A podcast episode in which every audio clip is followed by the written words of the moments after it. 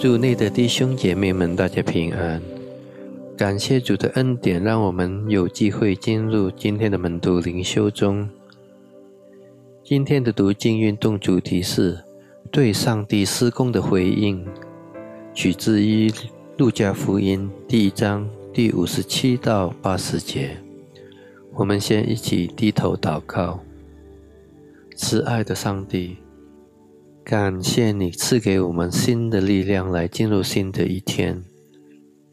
求主赐给我们一颗渴慕的心，来聆听你的话语和思考你的话语。我们接下来的灵修，求主来带领。我们这样的祷告是奉靠主耶稣基督的生命所求。阿门。在圣经里，对主耶稣所做的事工。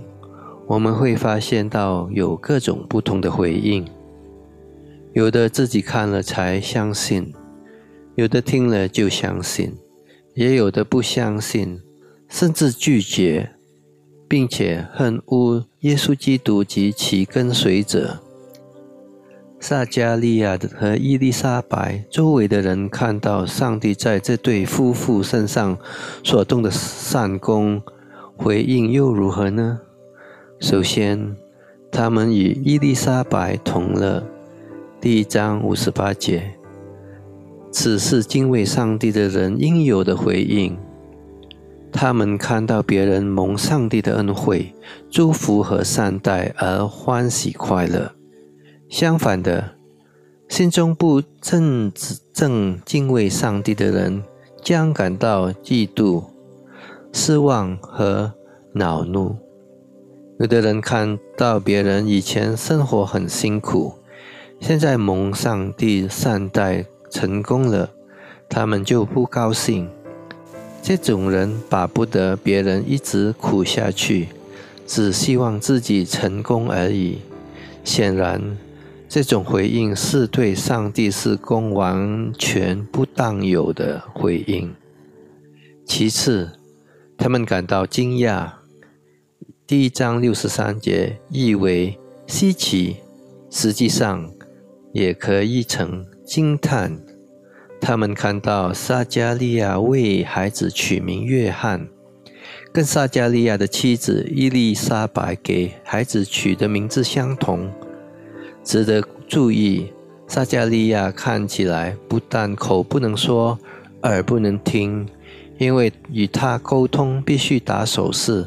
第一章六十二节，看到上帝动工，该有的回应是惊叹不已，万分佩服，因为上帝的信实和慈爱，他在我们生活中展现奇妙的作为，我们为上帝的伟大和全能而感到惊奇，那是理所当然的。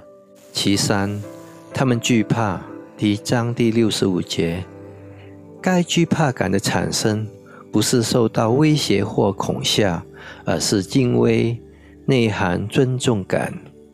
看到聋哑的撒加利亚奇妙的复原了，他们对上帝起了敬畏的心。当您见证到上帝在您和别人的生活上动了三功，您有同样的回应吗？您是不是越来越敬畏上帝呢？我们一起低头祷告，慈爱的上帝，感谢你今天的话语，再次提醒了我们应该如何回应对上帝的施工。求主赐给我们一颗敬畏上帝的心，来一心一意的跟随主。我们这样的祷告是奉靠主耶稣基督的生命所求。阿门。希望大家注意健康。